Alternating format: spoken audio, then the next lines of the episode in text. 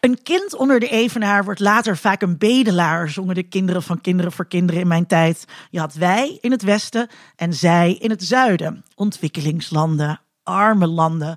Volgens statisticus Hans Gosling zit ik vast in dat beeld. In zijn boek Factfulness doseert hij over mondiale trends die we mis hebben.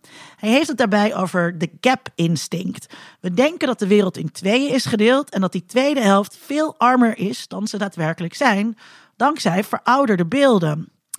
Verouderde beelden staan vernieuwing in de weg. Wat mis ik nog meer? Ik heb altijd geleerd dat kernenergie slecht is, Chernobyl en zo. Maar is dat inzicht nog wel up-to-date? Zijn er andere socio-economische en technologische ontwikkelingen die ik heb gemist? Kunnen we de aarde redden van overbevolking en opwarming met nieuwe inzichten uit wetenschap, waar ik wellicht nog nooit over heb gehoord in de media? Deze podcast wordt mede mogelijk gemaakt door Code Clear. Duidelijk over websites en design. Vanuit Amsterdam is dit Onder Media Doctoren, de podcast waarin communicatiewetenschappers zich verwonderen over de media. Vandaag gaan we het hebben over ecomodernisme. Dat doen we met Dr. Hidde Boersma, microbioloog en wetenschapsjournalist. Samen met zes anderen schreef je in 2017 Ecomodernisme, het nieuwe denken over groen en groei. En recenter is meer hoe overvloed de wereld juist duurzamer en welvarender maakt. In 2020 verschenen bij uitgeverij Nieuw Amsterdam. Niet minder, maar meer is de enige weg, stel je daarin. Dat is een tegendraadse mening en daar houden wij van. nou, zeker. Toch? Ja, dan zie je jezelf ook zo als een, als een tegendraadse meninghebber. Uh, nou ja, ik bij tegendraad denk ik ook heel vaak. Er zijn heel veel mensen die tegendraad zeggen dan inderdaad bijvoorbeeld tegen klimaatverandering of uh, tegen vaccins of nu met COVID al die COVID-ontkenners. Ik denk dat ik een mening heb inderdaad die uh, Nederland niet heel breed verspreid is. Maar ik uh, ga er wel praten op dat het wel uh, echt op wetenschappelijke basis is. Dus ik ben wel van mening dat heel veel andere mensen er inderdaad naast zitten. Ja, ja, ja, ja, ja. ja dus wel tegen, tegen draad, maar wetenschappelijk geïnformeerd. Ja, dus ook, en ook niet contrair om het contrair zijn, inderdaad. Maar het is wel heel fascinerend dat als het vooral gaat over duurzaamheid, dus ook waar, waar die boek over gaat, dat er één heel leidend narratief is. Terwijl als, het, als we naar politieke partijen krijgen, dan heb je, kijken, dan heb je tien verschillende stromingen, het liberalisme, het socialisme. En als het gaat om duurzaamheid, is er dus één verhaal wat, wat leidend is en wat iedereen denkt dat dat het enige verhaal is. En dat dus verhaal is minder. Ja, dat is het minder. Nou ja, in het Engels uh, hebben we daar het mooie woord environmentalism voor. Dat is niet echt een mooi Nederlands woord. Het groene denken dus. Het, het groene. En dat is zo wijd verspreid. Dat is heel knap gedaan ook. Dat is natuurlijk erg ontstaan in de jaren 70, toen Greenpeace en Milieudefensie en zo allemaal bestonden. En als het over duurzaamheid, iedereen die het, aan het woord duurzaamheid denkt aan die stroming. En ik ben van mening dat er dat, dat daar zeker wel bepaalde merites heeft, die stroming. Maar dat er ook echt, en dat het ook goed is, dat er ook andere stromingen zijn, andere wegen naar duurzaamheid. En dat is wat het ecomodernisme heel erg neerzet. Jongens, ze kunnen ook op een andere weg naar een duurzame samenleving dan uh, via de minder minder weg dan de harmonie met de natuur. Bla, bla, ja, dat, uh, Vincent, uh, mijn vaste mede mediadokter, altijd aan mijn zijde. wij hebben het wel eens over duurzaamheid, omdat je net een baby hebt gemaakt. Ja. En jij en ik zijn van de generatie die niet zo duurzaam waren. Ja, nou, Heb jij iets met groen en natuur en milieu? Zeker. Ehm, maar ik, het was altijd heel zeg je fijn. omdat je kind dit later terug nee, gaat luisteren? Nee, helemaal niet. Nee. Ik zit even te denken of het Hidden net zegt dat Um, ik kon vroeger altijd, als je die carbon footprint ging, uh, ging invullen, weet je, zolang je geen kind hebt, ging het altijd goed. En dan dat vliegen, dat vulde ik dan ook niet in. En dan bleek ik een soort ideale burger te zijn. Oh, Maar er staat wel altijd bij dat soort testjes in. We moeten ons dingen gaan ontzeggen. dat minder, minder had ook te maken met uh, straks mag ik dingen niet meer die ik misschien wel lekker vind of fijn vind. Bijvoorbeeld een kind krijgen. Ja, dat, ik heb ook mensen in mijn omgeving die heel erg bezig zijn met duurzaamheid. Die zeggen, ja, ik heb dan wel een kind, maar ik heb wel de auto weggedaan. Oh Alsof er een soort uitruil plaatsvindt. Uh, wat je in jezelf mee in het reinen moet komen over jouw rol op de planeet. maar het is ook fascinerend inderdaad. Dat is het inderdaad. Ook heel erg dat environmentalist is heel erg van we moeten onze dingen... Ont willen we de wereld redden voor onze kinderen, dan moeten we ons heel veel ontnemen, waaronder kinderen. Terwijl ik inderdaad aan de andere kant denk, ja, zo'n kind heeft dus ook een brein en twee handen om de problemen op te lossen die er zijn. Dus het is een volgens mij een echt een andere manier van, van denken. Dat die kinderen kunnen ook juist heel veel problemen voor ons oplossen. En er zit een fascinerend soort anti-humanisme en inderdaad anti-vooruitgangsdenken in het klassieke idee van het groene. En dat moeten wij volgens mij vanaf. En helemaal vind ik, ik zie mezelf ook als een hele linkse jongen. Ik vind het heel fascinerend dat de nou ja, de politieke kant van de verheffing. Dus van het idee van we gaan allemaal welvarend worden. Van uh, de Den Helzuig, iedereen krijgt een auto. Dat die helemaal overgenomen is door een stroming die zegt... Het kan allemaal niet, de hele wereld kan niet zo leven zoals wij dat doen. We moeten allemaal een stukje minder, we moeten allemaal wat inleveren voor de planeet. Ik denk ook uiteindelijk dat dat dat het niet klopt, maar dat het ook helemaal niet helpt. Dat het ook heel, heel erg moeilijk is om op die manier een soort data, ik moet bij dat, te krijgen. Ik moet bij dat inleveren ook meteen denken aan, uh, zeg maar vroeger nog voordat vegetariër zijn uh, hip was en zo. Uh, ik had dan vriendinnen die thuis ook nog levertraan kregen, maar die alleen maar, alleen maar biologische dingen mochten. En dat was verschrikkelijk vies. En dan, en dan gaf ik altijd mijn brood weg met duopanotti, omdat het altijd zo zielig was voor hun, omdat het alleen maar goor. Dus ook dat, dat idee van afziening, heel Calvinistisch. Ja, ja, ja, ja, ja. boetedoening. Dat, dat, ik kan me dat, Leiden dat, Zeker in de jaren tachtig kwam ik dan nog wel eens in, in, met vriendjes dan in de zeiling. Dat was dan ook nog eens biologisch dynamisch. En, het is niet, uh, dus ja, de, die boete de, de Zeiling heette dat. Dat is een antroposofische uh, winkel.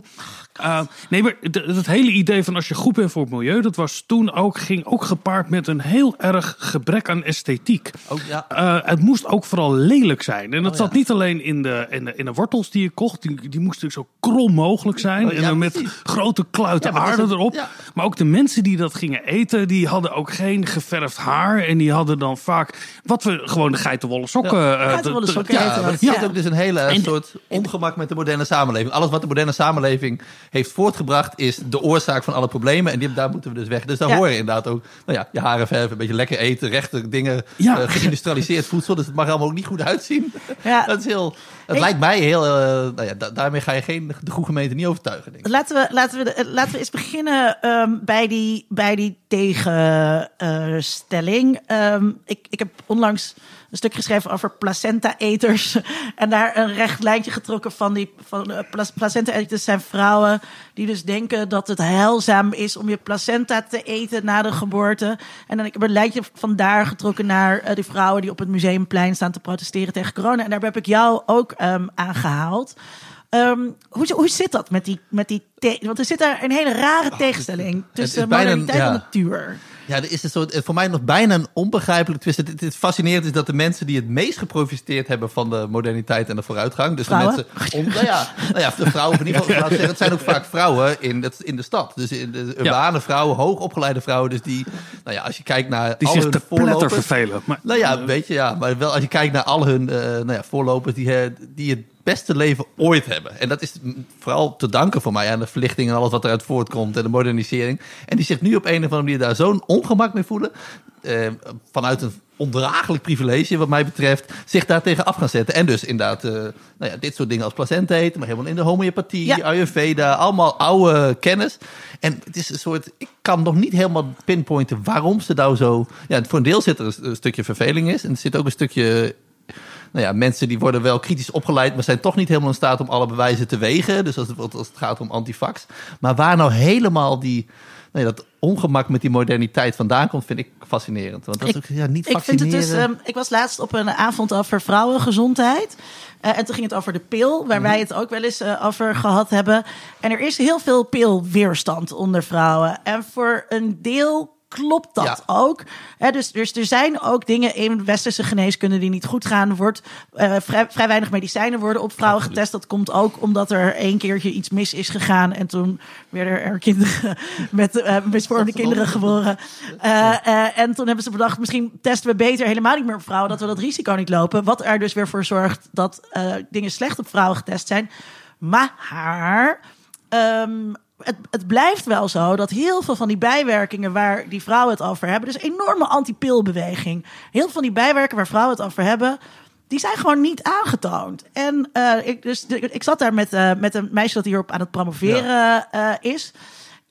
en ik was heel benieuwd van tevoren. Dacht ik, oh shit, waar staat zij in deze, in deze discussie, zeg maar. Dat had ik ook niet helemaal gevoeld.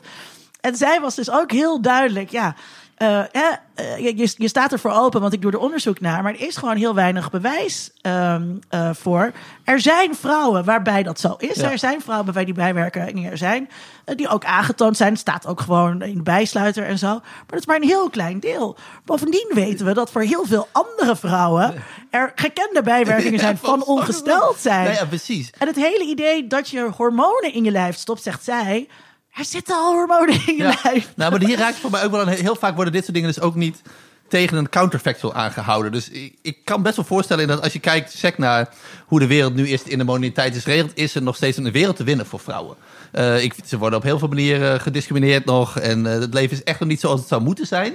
Ehm, en dus als je, dat, als je alleen daarnaar kijkt, denk ik, ja, de wereld zoals nu is niet goed. We moeten echt een ander systeem hebben. Dus weg met die moderniteit, want mijn leven is nog niet gelijk aan dat van die man. Maar je moet het natuurlijk wel vergelijken met de counterfactual. Als er geen modernisering was geweest, dan was het leven voor vrouwen nog veel... Dat is met dit soort dingen ook, ja, de pil geeft bijwerking. Maar kijk je ook naar de counterfactual als er geen pil was. Precies, En die, dat de, wordt bij- heel de vaak bijwerking van eh, ongewenst zwanger zijn is eh, best groot. Precies, daarom. Dus dat is heel vaak volgens mij wat er fout gaat. Dus ik denk inderdaad, volgens mij moeten we de modernisering verbeteren. Dat kan ook, want voor mij hebben, we- nu zitten we nu ook echt wel een beetje in zo'n kapitalistisch idee dat, dat het allemaal niet goed wordt verdeeld en het, gaat, het geld gaat niet allemaal naar de juiste dingen. Maar in plaats van het hele systeem om te werpen, denk ik, laten we gaan werken om die modernisering nog beter te laten werken in plaats van het kind met het badwater weggooien. Ja, Ja, wat ik wonderlijk vind, en dit is niet mijn idee hoor, eh, is dat er, bestaat een idee wat eh, Jolie Jensen beschreef dat in een, in een boek Redeeming Modernity. Ik weet niet of je dat.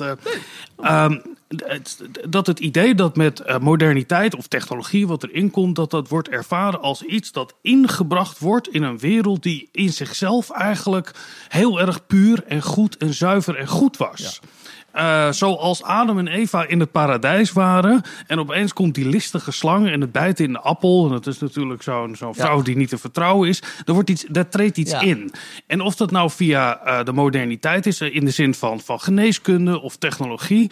En die veronderstelling is, is dat je dat buiten kan houden. Er wordt een, een tegenstelling gecreëerd tussen die, die zuivere. En wat je bij al deze mensen ziet die zich, of het nou placenta-eters zijn, of mensen die zich keren tegen vaccins, is dat er, spreken ook vaak over harmonie, zuiverheid, liefde. ook, eh, Eh, eh, hoe rechtser ze worden, hoe meer ze het over liefde en verbindenis Oh ja. hebben. Dat is een hele mooie, tenminste niet mijn eerste associatie met rechtsdenken.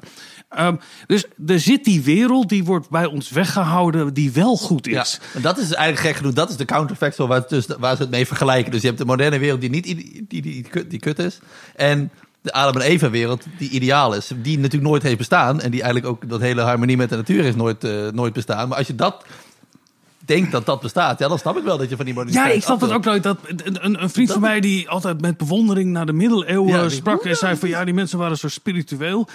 Ja, je hebt de bloody de hele dag kiespijn en je gaat op je veertigste dood. je gaat Dat naar een zijn kerk twee. en daar, en Ja. daar wordt mooi gezongen. Ja. je- hebt en pijn en je gaat heel snel dood. Nou, als je ergens spiritueel van wordt, Ja. is het pijn en, en, en, en de wetenschap dat je doodgaat. Dat weten we Maar- ook in deze tijd. Maar het is niet alleen eh, een, een, een vroegere natuurstaat waar naar verwezen wordt, maar ook Oosterse eh, geneeswijzen. Maar dat is allemaal, die mensen stonden dichter bij de natuur. Dat is zo, dat is zo fijn. Ja. Dat is onzin wat mij betreft. Maar dat is wel waar ook, dat ook vandaan. Die oude mensen, indigenous knowledge, is blijkbaar... Ja, indigenous knowledge, het dat is- ook zoiets. Ja, ja. ja. En ik ben heel over oer en oud. Hè? Ja. Het, het is nooit een nieuwe Indonesische hippe Nee, ja, nee, denker of een technologie die uit Jakarta komt. Nee, het het moet altijd een verrompeld mensje zijn die met een bepaalde oerkennis heeft, die voorbij gaat aan ook het, Ja. het cognitieve. Dat Maar ook, me- maar ook voorbij gaat aan het idee dat eh, eh, als je kijkt bijvoorbeeld naar Oosterse geneeskunde, eh, dat daar wel gewoon ook allerlei wetenschappelijke regels in worden toegepast. En dat Oosterse geneeskunde ook niet één groot Ja, apart vakgebied is dat bestaat naast Westerse geneeskunde. Nee, is dat niet? Want dat is ook wat er vaak wordt. Dat is ook wat zo vandaan Shiva, ik weet niet of je haar kent, zo'n ecofeminist ook zegt. Dit is gewoon een ander systeem van kennis vergaren dan indigenous knowledge. En ze staan precies op dezelfde hoogte. Dus dat echt dat, dat je relativeert is de kennis van de Nederlandse of de, de westerse wetenschap met. Nou, dat is een één manier om kennis te vergaren. En de andere is de indigenous knowledge van. Ja, voor, mij is het voor mij een soort accumulatie steeds van dingen die Ja. elkaar. In plaats van dan terug te kijken, dan laten we. Want ik geloof zeker dat daar ook goede kennis in zit. Maar laten we die gewoon testen en laten we kijken wat we kunnen gebruiken. En in plaats van één zo'n kennisgebied van de Ayurveda helemaal als een soort heilig Ja. zien. Dat is alle kennis. ja, maar nu die vertrek je heel erg vanuit je hoofd. En Ja, vanuit de ja, is- visie, terwijl je Ja, want, vanuit... eh, kritiek die want, heb ik ook eh, wel Vincent, vaak, jij ja. bent opgegroeid met deze, Ja. eh, in, in, in deze... eh, deze, deze krochten van Nou, de... Nee, maar dit deze, is het, is een soort, het is heel erg eh, eh, romantiek of neo-romantiek. Deze weerstand tegen wetenschap. Nou, ik, ja, je gooit nu twee dingen.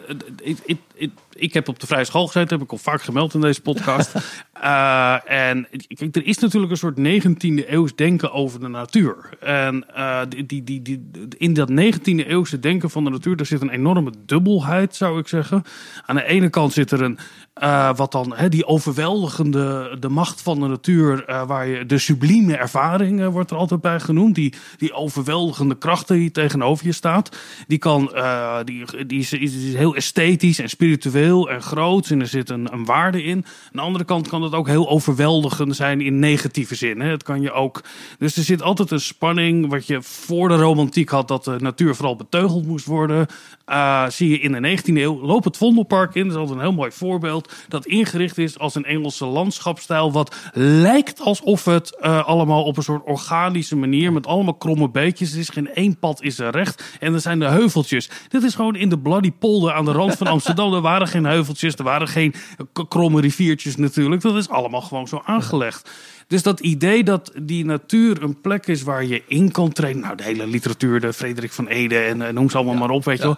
Dat daar een soort waarheid in, in ligt waarin je naar terug kan keren. En dat terugkeren is vooral heel belangrijk. Uh, Walden en dat soort instituten die daaruit zijn uh, uh, ontstaan. Dat, daar ligt ook het begin natuurlijk in de late begin 20e eeuw in al die uh, uh, wat jij nu environmentalism ja, noemt. die counterculture uh, natuurlijk. Ja. de jaren 60 ook terug naar. en daar zit ook nog voor mij wel wat extra's bij. Van heel veel, ik heb met die, heel veel van die vrouwen ook. Die hebben ook wel het gevoel dat in de moderne samenleving ze eigenlijk geen enkele controle hebben over hun eigen leven. Dus je eten wordt uh, nou ja, gemaakt, geproduceerd door ondoorzichtige afschuwelijke misvatting is. Want vroeger had je echt geen controle nee. over je eigen. Nee, omdat er geen bil was. Nee, precies. Dus, maar het is geen, geen, uh, geen uh, je hebt geen je, je, de ziektes die je krijgt. Of in ieder geval bijvoorbeeld een vaccin is ook een soort. Je weet ja, niet je meer moet wat er in je eten dat, zit. Je, je weet niet wat, wie het maakt. Je hebt nog nooit de boer ontdekt. Je weet ook niet wie verantwoordelijk is voor je, nou ja, voor je, voor je gezondheid. Dat zijn allemaal intransparante, grote, overkoepelende organisaties die je maar moet vertrouwen. Ja, en dan ben je, word je een beetje kritisch opgevoed in, uh, in, de opleiding, maar net niet kritisch genoeg. En dan denk je, ja, ik ga het heft in eigen handen nemen. En dus ga ik antifaxer worden. Ja. Want dan, uh, dat is gewoon een schop tegen alle intransparantie en de kapitalistische met... maatschappij waar ik geen controle over heb. Maar dat ook, dus, speelt ook ik, mee. Ik denk echt inderdaad met een idee ook van, uh, van moederschap. En een, en een goede moeder willen zijn, die weegt al haar opties ja. af. Uh, uh, en, die, en die neemt niet zomaar iets aan. Ja, maar het is, het is ik, fascinerend dat in de jaren twintig had je dus echt uh, die Unilever, de eerste Unilever, die heel erg adverteerde met van ja, wij uh, hebben betrouwbaar voedsel. Dat was ook zo. Dat kwam van de lopende band. Dat werd gecontroleerd door de overheid in plaats van de lokale boer die zijn melk aanlengde. Dus in het begin waren die grote bedrijven waren een soort. Nou, iedereen, iedereen wilde daar zijn voedsel, want dan wist je tenminste dat het goed was. En nu is het totaal omgekeerd. Maar er zit toch ook wel. Um, Nestlé verkoopt toch ook uh, in, uh, in die derde wereld, die, die niet de andere wereld is, volgens Science verkopen ze ook heel veel poedermelk. Terwijl het eigenlijk beter is als mensen daar gewoon de borst zouden geven. Ja, dit is wel voor mij een verhaal vanuit de jaren tachtig inderdaad. Maar ja. Dus er zijn ook, kijk, als je een bepaald idee hebt, dat er zijn, er zijn toch ook evil corporations. dingen gedaan ja. in, in, in Afrika, echt Afrikaanse mensen zonder consent als guinea pigs gebruikt. Dus ja, uh, er zijn verschrikkelijke. Dus een deel van die ongemak is ook wel terecht. Alleen de oplossing die zij uh, zoeken is vaak nog erger. Dat is natuurlijk met het hele environmentalisme ook. Ik bedoel, als je, ja, natuurlijk zijn er heel veel problemen met de modernisering. En we hebben een klimaatprobleem en een gigantisch biodiversiteitsprobleem. Maar als we allemaal uh, off the grid in een bos gaan wonen, is het probleem alleen nog maar groter. Want heeft iedereen veel meer ruimte nodig. Allemaal biologisch eten, heb je 20%, 30% meer land nodig. Dat hebben we ja. helemaal niet. Dus heel veel van de. Ik zeg ook altijd, Greenpeace heeft perfecte probleemstelling, maar nooit een goede oplossing. Ja, um, want dat, dat het wepen met de natuur, dat zie je op, inderdaad op allerlei andere manieren. Als het over eten gaat, uh, inderdaad, mensen die bang zijn voor E-nummers. Ik herinner me een mooie column van Rosanne Hersberger. Uh, over hè, als, je, als jij appeltjes geschild hebt en je serveert dat aan je gasten, dan sprenkel je er ook wat citroensap overheen, want anders dan zijn ze zo bruin. Nou ja, dat doet zo'n E-nummer. Ja, ja, uh, om, om dat te voorkomen dat mensen dat dus ook vaak niet weten. Uh, ik weet dus ook heel veel dingen niet. En uh, dus ik, ik zie dat, ik zie aan de ene kant herken ik dat weet met de natuur, maar aan de andere kant ben ik dus ook opgegroeid met kernenergie. Dat is gewoon slecht. En nu, laatst was er ook weer die hele discussie over. En als je voor kernenergie bent, dan ben je eigenlijk automatisch rechts. Ja, okay. Dat is. waar- Doseer mij. heren. Ik vind Oh, en heel dat is het ergste wat er is Maar om dat rechts- ook- ja, ja, precies. Want ik, ik ben heel links. Ik stem bij één. Dus de links I know, anders had ik je niet durven uitnodigen. Dus, maar voor mij is ook die hele weerstand tegen kernenergie. Kijk, het, voor mij het grote probleem wat. We hadden natuurlijk Chernobyl, maar er zit ook hier zit dat idee van die counterculture achter, off the grid. Dus als je als eh rechtsgeaarde off the gridder of de, de, ehm, energie wil hebben, dan moet je dat zelf in, in handen kunnen hebben. Dus zonne-energie, een zonnepaneel, lekker decentraal geregeld, windenergie, je eigen windmolen. Het is natuurlijk allemaal niet zo, want eh, als we het hele Noordzee bouwen, zijn het ook hele grote bedrijven. Maar een kernenergie, een kerncentrale is natuurlijk het toonbeeld van gecentraliseerde macht. Ja. En daar eh, schieten de, de environmentalists heel erg op. Maar ik vind het alleen is dat gek, want klassiek, klassiek linkse zijn juist heel erg voor gecentraliseerd. Als we kijken naar de jaren 50 tot 70, de grote groei van de westerse samenleving als het ware, de Trente Glorieus, was juist heel erg in handen van de overheid. Dus wij hebben die hele grid in Nederland, dus waar onze elektriciteit doorheen gaat, allemaal met de overheid heeft dat gemaakt. Dus die hele omslag van gecentraliseerd is goed, naar het tegenovergestelde is goed, is ook een soort fascinerende omgang. Ik denk nog steeds dat als je eh, de Afrikaanse landen rijker wil maken, dan begint dat bij een grote, zeer invloedrijke overheid. Die moet een grid maken. Die moet ziekenhuizen gaan bouwen. Dus dat hele idee van met z'n allen in een kleine samenleving off the grid leven, dat dat nu een links ideaal is voor mij echt mindblowing. Ja, tegen alles in. Ja, ik vind het mooi. Dat geldt natuurlijk ook voor de spoorwegen die eh, Ja, over de hele wereld. eh, dat, dat, dat is verheffing. Dat, gaat, Ja. dat wordt centraal geregeld. Je moet dan wel een soort vertrouwen hebben in de overheid. En dat is voor mij natuurlijk voor een deel weg. Na 40 jaar neoliberalisme snap ik, snap ik dat ook wel. Er zijn geen grote vergezichten meer. En mensen die. Het gaat Maar- ook allemaal mis. Maar de- ik heb nog steeds. Een goede overheid. Links is een goede overheid die gecentraliseerd opereert. En dan kunnen sommige dingen zoals. Nou ja, energie was vroeger ook. In, in, bijvoorbeeld in. eh, Frankrijk, 56 kerncentrales, allemaal door de overheid gebouwd. Maar- ik ben daar helemaal voor. Maar eh, eh, een bijzonder gecentraliseerd aangestuurd linksland was de Sovjet-Unie. Ja. Het ging daar natuurlijk mis. Eh, eh, ik, ik was er eh, het, anderhalf jaar geleden, wat echt fantastisch was. je ziet er ook nog steeds stralend uit. Ja. Dat is echt een, echt een dad joke, Ja. Vincent, die toen de hele tijd gemaakt is. Maar ehm, eh, ik, weet, ik weet het ook nog, dat we geen spinazie mochten Ja, eten en zo. Is het de angst voor, voor een ramp die, die ja, mensen... ik denk dat dat natuurlijk. Nou ja, kijk, voor mij kwam die. Eigenlijk, als je een beetje terugkijkt naar dat, eh, de start van de, milieubeweging, is dat echt de jaren 70. Er was al een soort anti-moderniseringstendens toen binnen de groene beweging. Die in die tijd ook helemaal niet zo gek was. Hè? Want in de tijd kwam de Club van Rome natuurlijk van... oké, we kwamen uit een soort agrarische samenleving. We, gingen, we industrialiseerden en alle seinen gingen als het ware brood. Dus je zag de CO2. Je ziet gewoon hoe, hoe rijker we werden, hoe meer CO2 we uitstellen. Hoe rijker we werden, hoe slechter het met de biodiversiteit. Je zag ook een soort rechte lijn. Dus ik snap ook wel dat je in die Club van Rome... die trok al die cijfertjes gewoon door. de zorgen waren terecht. ja, zeker, absoluut. En, in, nou ja, en daar hoorde dus ook heel erg bij van als we te veel energie gebruiken, is dat slecht. En toen kwam dus daar in 86 natuurlijk Chernobyl overheen. Eh, en toen zeggen zie je wel, eh, dat is ook slecht. En kijk, er is geen enkele energievorm zonder risico. En ik wil het ook zeker niet eh bagatelliseren. Maar, en toen kwam natuurlijk Fukushima nog een keertje. Maar andermaal Fukushima, daar is één iemand overleden door straling. dus wat mij betreft is dat het toonbeeld dat kernenergie de meest veilige vorm van energie is. Want met een aardbeving van 9,0 op de schaal van Richter en het tsunami en dan nog steeds maar één dode. Ja. Ja. Goddomme, daar komt dan maar eens om. En natuurlijk heel veel energie op een hele kleine eh, oppervlakte. Dus ja, het risico is groot. Het risico geef je ook veel meer uit handen, hebben dat mensen het gevoel, dan bij zon en wind.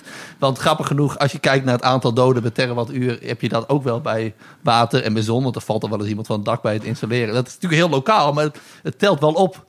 Eh, nou, en dus dan heb je ongeveer evenveel doden. Maar dat is voelt toch, net als met een zelfrijdende auto en een eh, auto rijden. Je hebt meer controle over je energie en je slachtofferschap en dat soort dingen. Dan als het gecentraliseerd geregeld Ja, is. eh, dat speelt Maar heel zou Dat is erg wel heel interessant, ja. Zou het ook met rentmeesterschap te maken kunnen hebben? Dat je eh, met een kerncentrales behoud je altijd natuurlijk eh, eh, eh, afvalstoffen over die je nog in, nou ja, ik geloof dat millennia nog giftig zal zijn. Dus dat wij als generatie de verantwoordelijkheid nemen voor al die generatie na ons om daar eh, die last op te leggen. Ja, dat heb ik grappig genoeg gaan natuurlijk. eh, of grappig, ik bedoel, kolen en gas hebben dat nog veel erger natuurlijk. Dat, stoot, dat stoten we uit de lucht in, die CO2.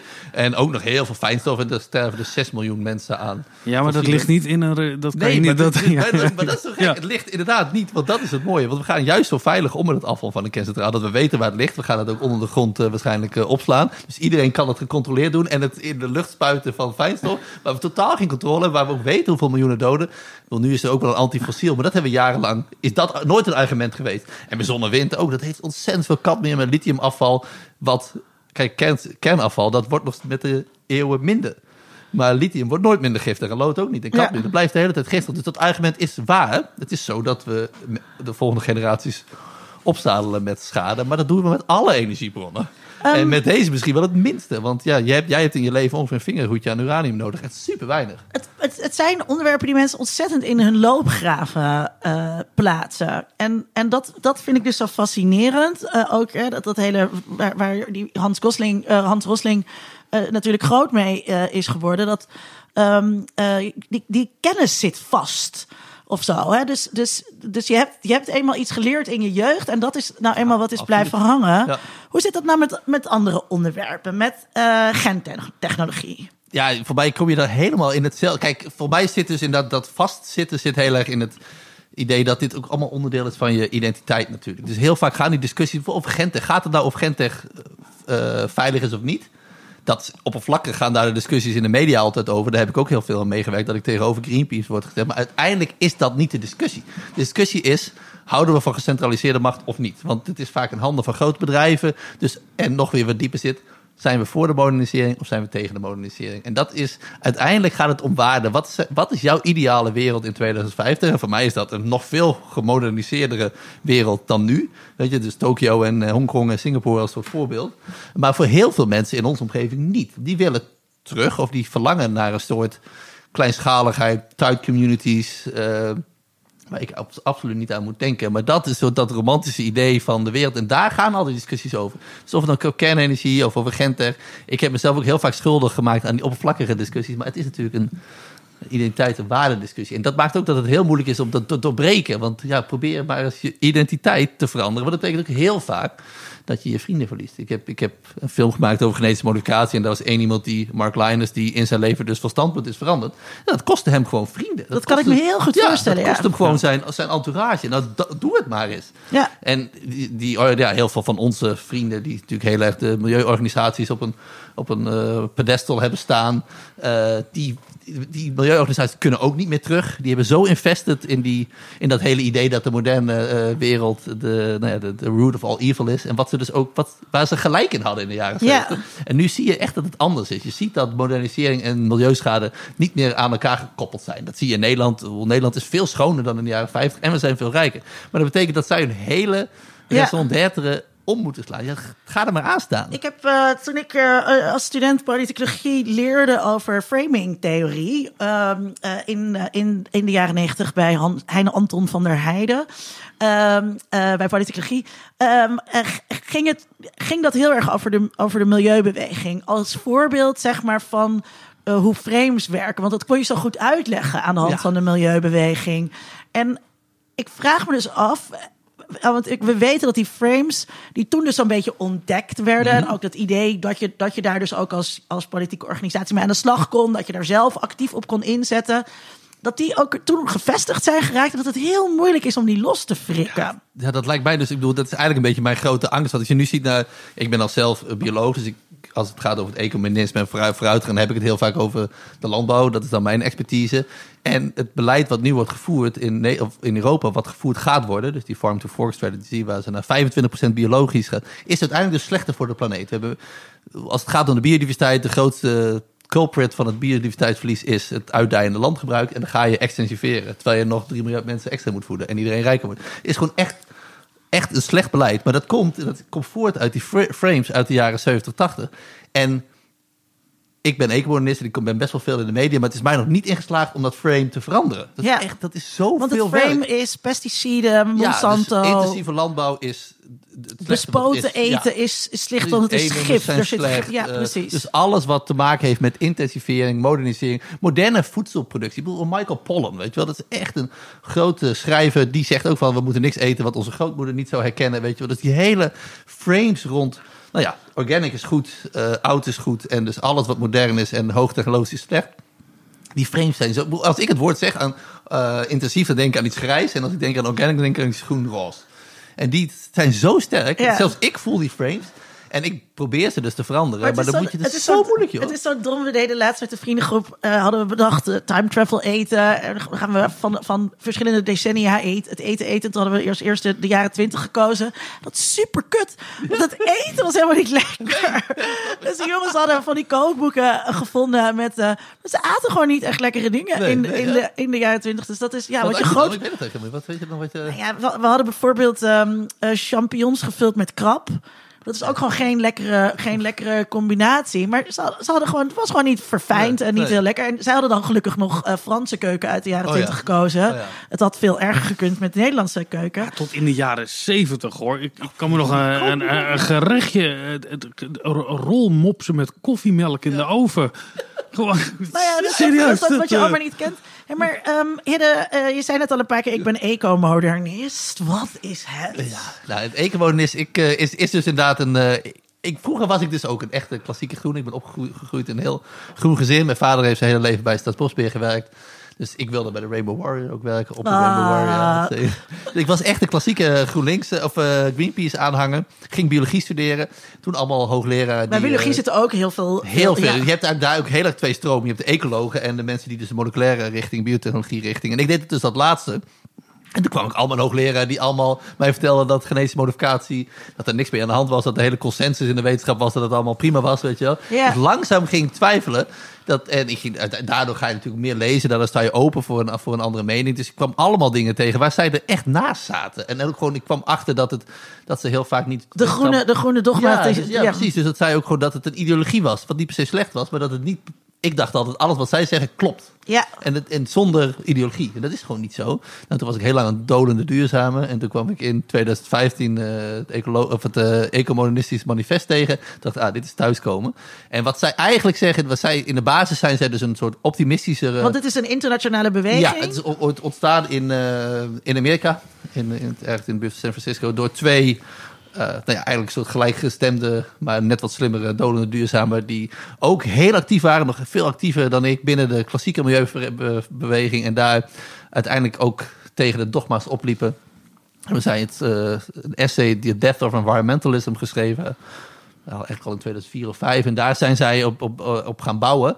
En eigenlijk is, eh, ja, omschrijf ik het, eh ecomonisme als een soort humanistischere variant van, eh, van, het, van, eh, van, het, van het groene denken. Dus wij zetten niet de planeet op één, maar de, de mens en de planeet eh, op één. En de oplossingen die wij voor alle problemen hebben, zijn dus verder moderniseren en die modernisering inzetten om de problemen om te lossen. In plaats van eh, een stapje terug te doen.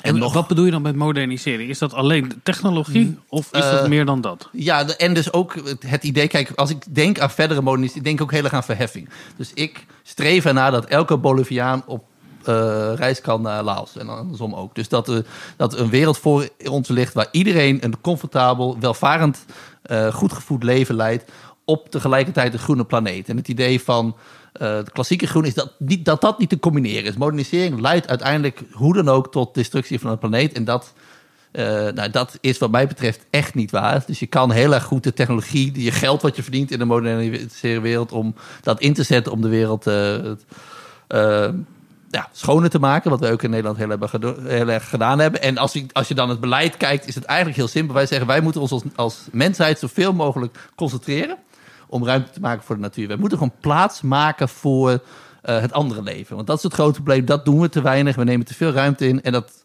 nou ja, dat levert drie standpunten op. Als eerste gaat om, eh, om wonen. Laten we allemaal in de stad gaan wonen. Zoveel mogelijk in de stad. Dat neemt heel weinig ruimte in. Eh, laten we vooral focussen op kernenergie. Want dat geeft de meeste energie per oppervlakte eenheid. Dus dat geeft ruimte voor de natuur. En het belangrijkste is denk ik eh, concentreer je landbouw op de meest vruchtbare gronden. Haal er het maximale uit de grond om zoveel mogelijk ruimte over te laten voor de natuur. En dat zijn dus eigenlijk drie. Als wij onze activiteiten zoveel mogelijk concentreren op zo weinig mogelijk ruimte, is er ruimte om met 10 miljard mensen een heel. eh, nou ja, op, op ook een heel die biodivers Zit- maar zit hij dan planeet. ook achter dat je ervan uitgaat, ehm, eh, omdat ik toch op die pil hang, ehm, eh, dat als de moderniteit zegeviert, dat eh, vrouwen ook minder baby's gaan Ja, maken? dat, en dat is, ja dat, dat, daar hangt het op, maar dat is ook natuurlijk wat, overal, wat je ook overal ziet. De- de- in wat, de, wat Gosling... Ik nou ja, precies. Gosling. Hij heeft altijd een mooi voorbeeld wat, Wat ik zelf ook Ryan Gosling, zeg maar. Hij heet Hans Rosling. Wat hij ook laat zien. Ik wil zodra mensen dus moderniseren en naar de stad trekken. In Addis Ababa is het fertiliteitscijfer 1,9, net zoals in Nederland, ietsje hoger. En ga je 200 kilometer noordelijker, daarom is het eh 5,5. Ja. En omdat die mensen dus inderdaad in een agrarische samenleving, in agrarische samenlevingen eh, krijgen de mensen heel veel kinderen. En dat is dus in dit, in dit tijdsgewicht nog maar in heel weinig landen eigenlijk zo. Hè?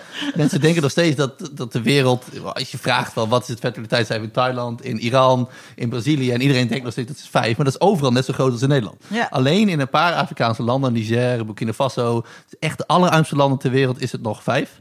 Vier, drie, maar wereldwijd is het 2,5. Dus op het moment dat je rijker wordt, eh, zie je overal ter wereld, ongeacht van religie, het maakt niet uit, zie je dat het fertiliteitscijfer echt naar de twee gaat. En dat kan heel snel gaan. Maar even een vraag ter verduidelijking. Je zegt eh, je moet landbouw daar brengen waar, eh, waar het vruchtbaar is. En dan moet je zoveel mogelijk ruimte voor natuur. Eerder zei je, ja, je moet er eigenlijk die intensieve landbouw. zou je niet moeten willen. Tenminste, niet met alle pesticiden die erbij zitten. Oh, nou, ik, ik, eh, nee, het standpunt van ecomonisten is dat we inderdaad... In de basis is landgebruik de meest schadelijke vorm van, eh, van wat wij doen. Dus eh, we hebben het heel vaak inderdaad over pesticiden. En dat is ook, eh, die, die geven ook schade aan de omgeving. Maar het is altijd een trade-off. Dus als je helemaal geen pesticiden gebruikt, heb je drie keer zoveel land nodig. Nou, dan kan het uit om wel pesticiden te gebruiken. Natuurlijk willen we alles op alles zetten om dat minder te doen. Maar heel vaak wordt de trade-off met landgebruik niet gemaakt. Dus als je kijkt naar biologische landbouw, ja, je gebruikt geen bestrijdingsmiddelen en je gebruikt geen kunstmet. Maar de opbrengst is 25% lager. En dat is nog zonder de mest gerekend. Want de mest die moet van dieren komen. Er mag geen kunstmest, dus het kost ook veel meer land.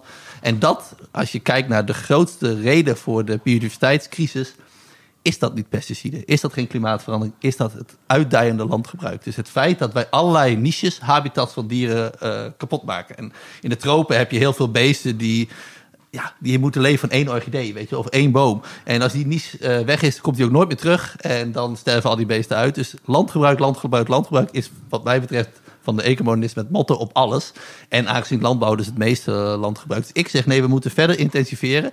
En dat betekent niet dat de huidige business as usual intensieve landbouw hetgeen is wat het doel is. Want dat kan ook nog veel duurzamer met allerlei moderne technieken kan je met genetische modificaties zorgen dat je veel minder bestrijdingsmiddelen gebruikt. Maar uiteindelijk moeten we eh, ja, naar minder landgebruik. En dat kan dus ook. Als je echt de huidige landbouw in Europa concentreert op de meest vruchtbare gronden, kan je dus toe met een kwart van het huidige areaal om net zoveel voedsel te produceren. Daar klinkt het allemaal dus we kunnen heel- drie- driekwart driekwart van het landbouw teruggeven aan Ja. de natuur en dezelfde Ja, en dat, dat, is, dat Ja. is de wereld waar ik naar streef. En wij gaan het tegenoverstellen in Europa. Maar... Je, je zegt ook eh, eh, ik en wij. Mocht je bij de club, hoe werkt zoiets? Ja, nee, er zijn inderdaad een paar. eh, wij zijn eigenlijk met dat boek wat we in 2017 hebben geschreven.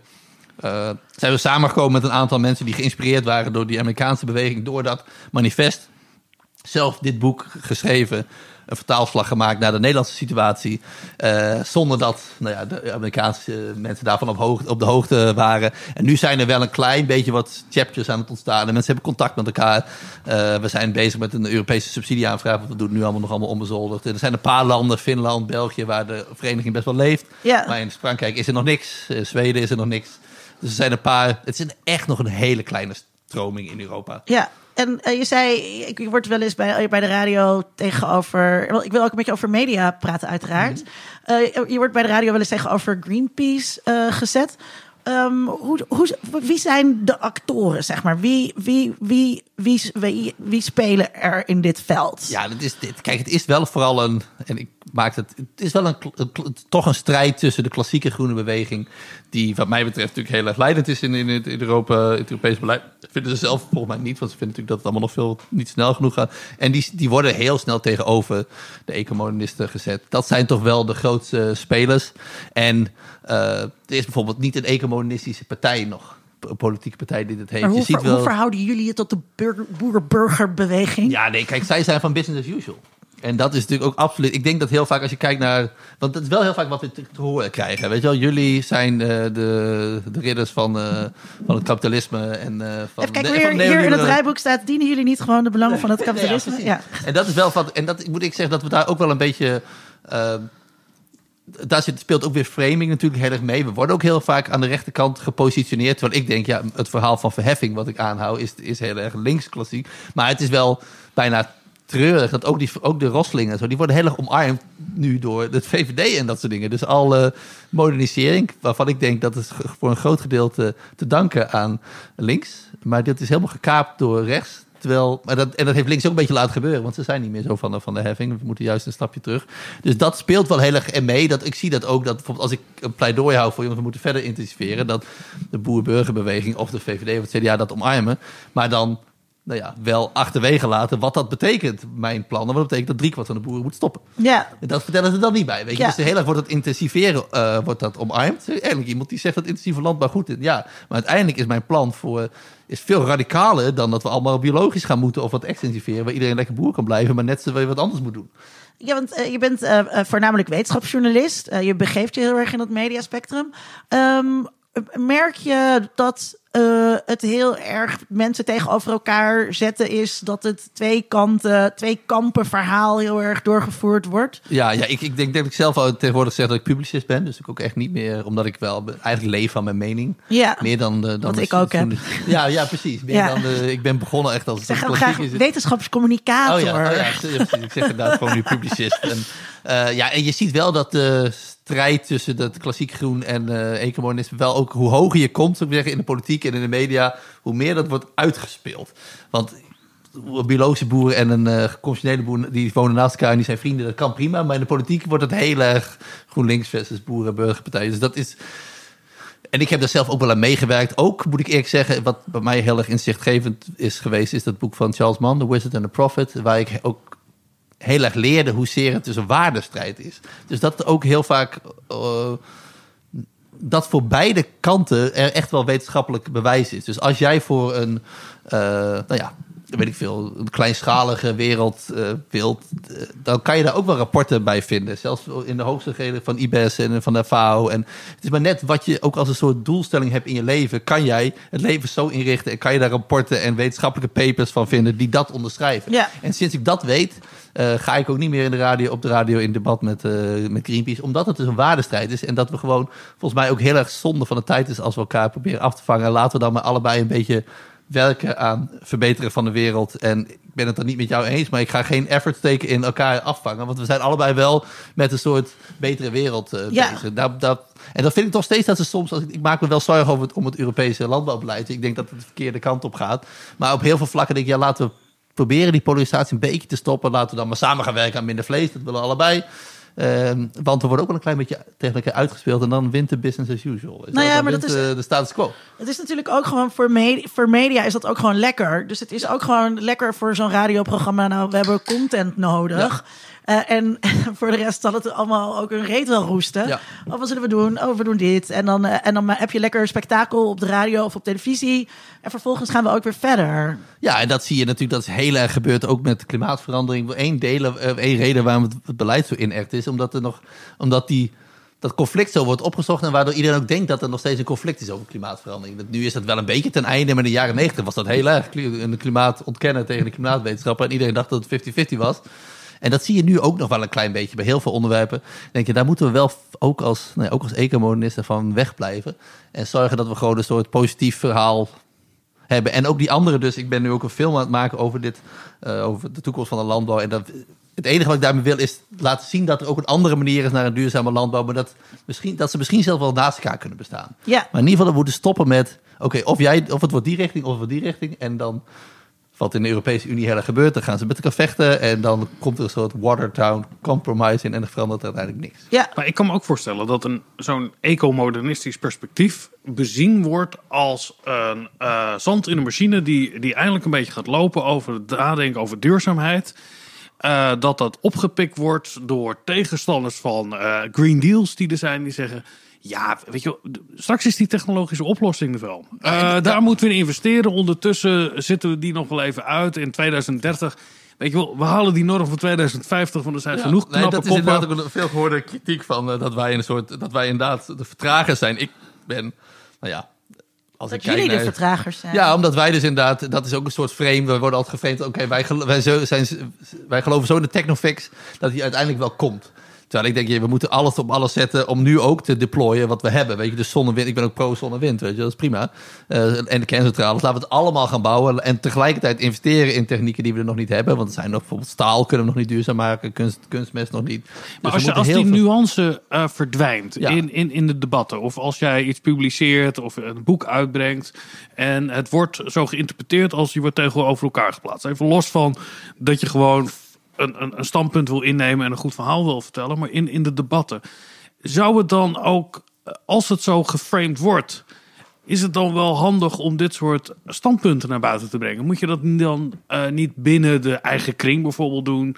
eh, van, van, van ecomodernisten of met ingevoerde microbiologen? Of is het wel geschikt voor het lekker, grote lekker in de ivoren toren gaat zitten en bij elkaar gaat knutselen. Nou, zolang- Nou ja, maar we zo- hebben wel bijvoorbeeld geprobeerd in eerste instantie, toen we ook net een beetje op, om het, de dialoog wel aan te gaan met de klassieke groene beweging. Met het idee, oké, wij hebben nieuwe ideeën. Ik heb het trouwens ook heel lang gewoon geprobeerd, met mijn, eh, hiervoor, eh, in het begin van mijn carrière had ik heel veel debat over genetische modificatie. En dat was echt een beetje mijn, eh, mijn kindje. En ook echt wel gesproken bij GroenLinks en dat soort dingen. Met de hoop van, jongens, kunnen we wat van dat dogmatisme rond dat onderwerp eh, afnemen? Want dat werkt misschien wel beter dan er helemaal radicaal tegen. Maar dat is een onbegonnen werk, heb ik helaas gemerkt. En waarom, waarom is dat Nou ja, ongeveer? ook komen we toch weer terug bij die, bij die identiteitskwestie en het feit dat je zo invested bent in dit standpunt. In een standpunt wat vroeger ook echt misschien wel oké was. Kijk, in de jaren negentig eh, was de eerste Gentech toepassing was Roundup Ready Soy. Dus was soja die eh, tegen de, een, een, een Roundup kon. Ja, dat is ook niet mijn favoriete toepassing, weet je wel. Dus toen was de, de angst daarvoor of de weerstand ervoor, was, daar zat echt wel wat in. Dus dat er opgesprongen is. Maar nu, moet je, nu kan je eigenlijk niet meer tegen Gentech zijn. Als je kijkt ook naar allerlei... eh, toepassingen, juist voor de armste boeren, denk ik, daar moet je voor. Je kan je nog steeds tegen die sojavelden zijn, weet je wel. Maar zeg, oké, dan ligt het niet aan de, toepa- aan, de, aan, de, aan de techniek, maar aan de toepassing. Maar zij zijn zo invested in dat standpunt dat zij nooit meer. Hoe, hoe, hoe ze denk jij dat precies... het is, Vincent? wat, wat, wat is? Nou, waarom denk je dat het is dat die mensen, dat die mensen, dat klinkt heel lullig, dat mensen er eh, zo in vastzitten? Ik denk dat het een, een, nou ja, dat het inderdaad een waardediscussie is wat jij zegt. En dat die waarden ook aan elkaar gekoppeld zijn. Dus dat als je die het niet ene laat gaan, dat je dan het ander ook Ja, en dat, dat zie je bij heel veel politieke bewegingen. Het is een politieke Ja. beweging dat op het moment dat jij.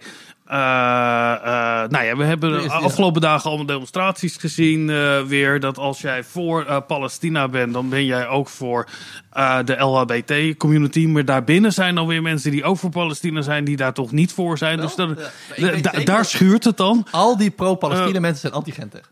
Dat hoort bij elkaar. ja, dat hoort bij elkaar. Ja, En ja. die, die, die, die, dat tribalisme wat Ja. daarin eh, naar voren komt. Dat ik, ik vroeg me ook af. Er is bij- ook een bij- mooie aflevering van de Stuk Rood Vlees podcast over. Over hoe die waarden allemaal bij elkaar eh, clusteren. Ja. Ja, want de grootste straf van een, een als je één van de standpunten Ja. eh, van de tribe opgeeft, wat ik me kan voorstellen bij jou, Ja, dat was ook een beetje zo, ja. dat jij eh, als of als afvallige wordt gezien, of als die gekke flat earther die er ook bij is, weet je wat we hebben, hè? weer die hij denkt er anders over, Ja. eh, of dat er dat daar botsende waarden in ontstaan. Dus en op het moment ja, en dat is het probleem natuurlijk als jij als beweging zit. Als je aan één ding gaat pulken, Ja, dan ja, op een gegeven moment, eh, dan trek je die hele trui uit elkaar. Als je, Je vertrouwt ook heel erg op elkaar standpunten. Want de meeste mensen die zijn geen expert op Gentech. En ook niet op Palestina. Dus je moet ook... Dit zijn je vrienden, dat is je peers, dat is je groepje. Ja. Dus die standpunten over Palestina, die, daar zal wel goed over nagedacht zijn. En die Ja. anderen ook. Dus je gaat ook niet alles onderzoeken. Je hebt één standpunt, dan hoor je daarbij. En dan neem je al die andere. Neem je En de tweede is, en dat, jij noemde het woord,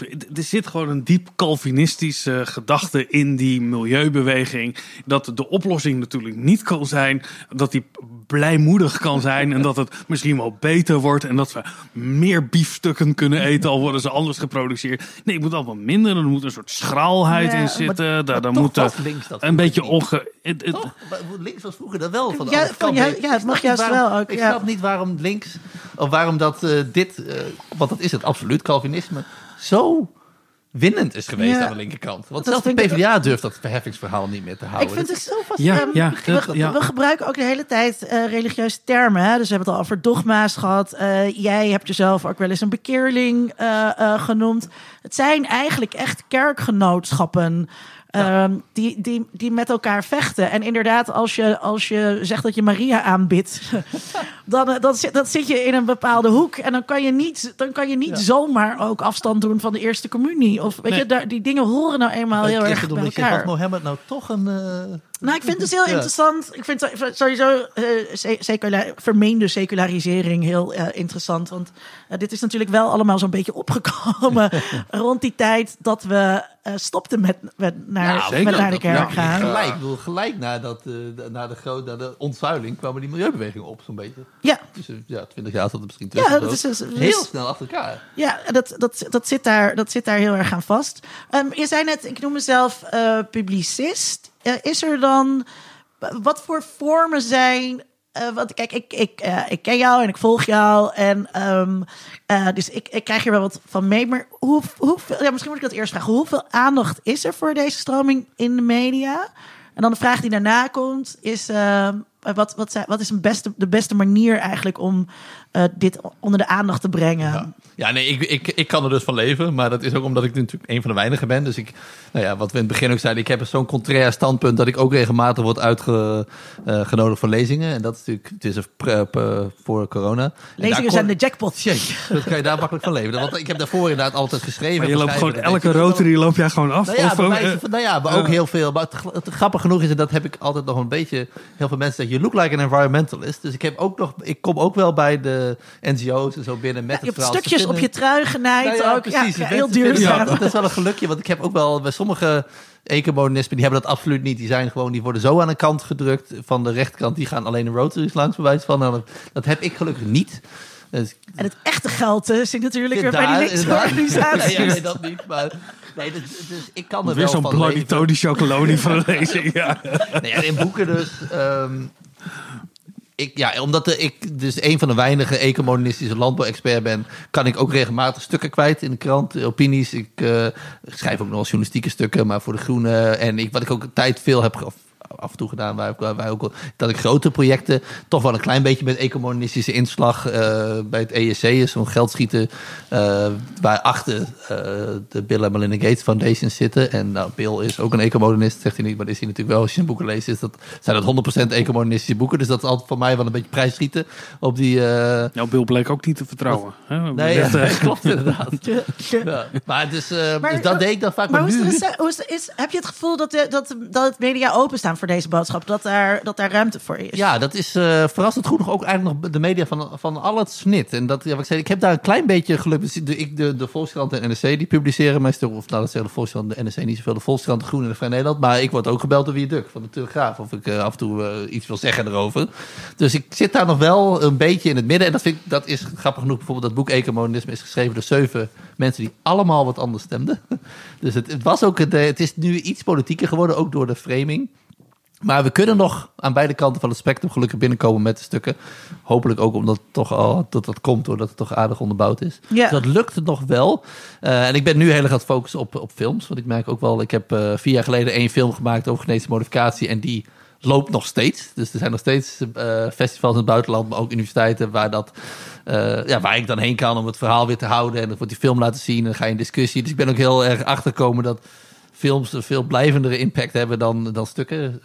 Ja, daar, ik ben tien jaar aan het schrijven en niemand is daar, ja, daar ben ik dus een beetje inderdaad, daar ben ik dus heel benieuwd ja. naar. Ja, nou dat is, ik heb, dus ik heb vier jaar geleden wel vet gemaakt. Uh, een genuanceerde film waar ik hoopte dat ook een hele aantal groene mensen, nou, eigenlijk die film keken en hopelijk eruit kwamen met het idee... oké, ik denk iets grijzer dan zwart-wit over het Gentech-standpunt. En dat lijkt wel gelukt. Dus ik heb zelf bijvoorbeeld van sommige NGO's wel gehoord... nou, dit project het gaat over uh, kleine boeren in Bangladesh... die een aubergine krijgen die genetisch gemodificeerd is... en waardoor ze veel minder bestrijdingsmiddelen hoeven gebruiken... hogere opbrengsten hebben en meer verdienen.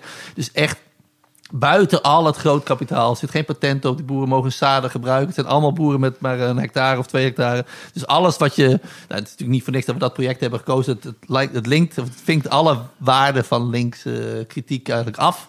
En daar kan je toch wel zien dat een kleine verschuiving heeft plaatsgevonden. Mensen die dat zien, ik, oh, dit is eigenlijk wel een project wat ik kan steunen. Ik heb nog steeds moeite met alle soja, maar dit kan ik wel steunen natuurlijk. Oh, dacht, oh ja, films werken dus wel.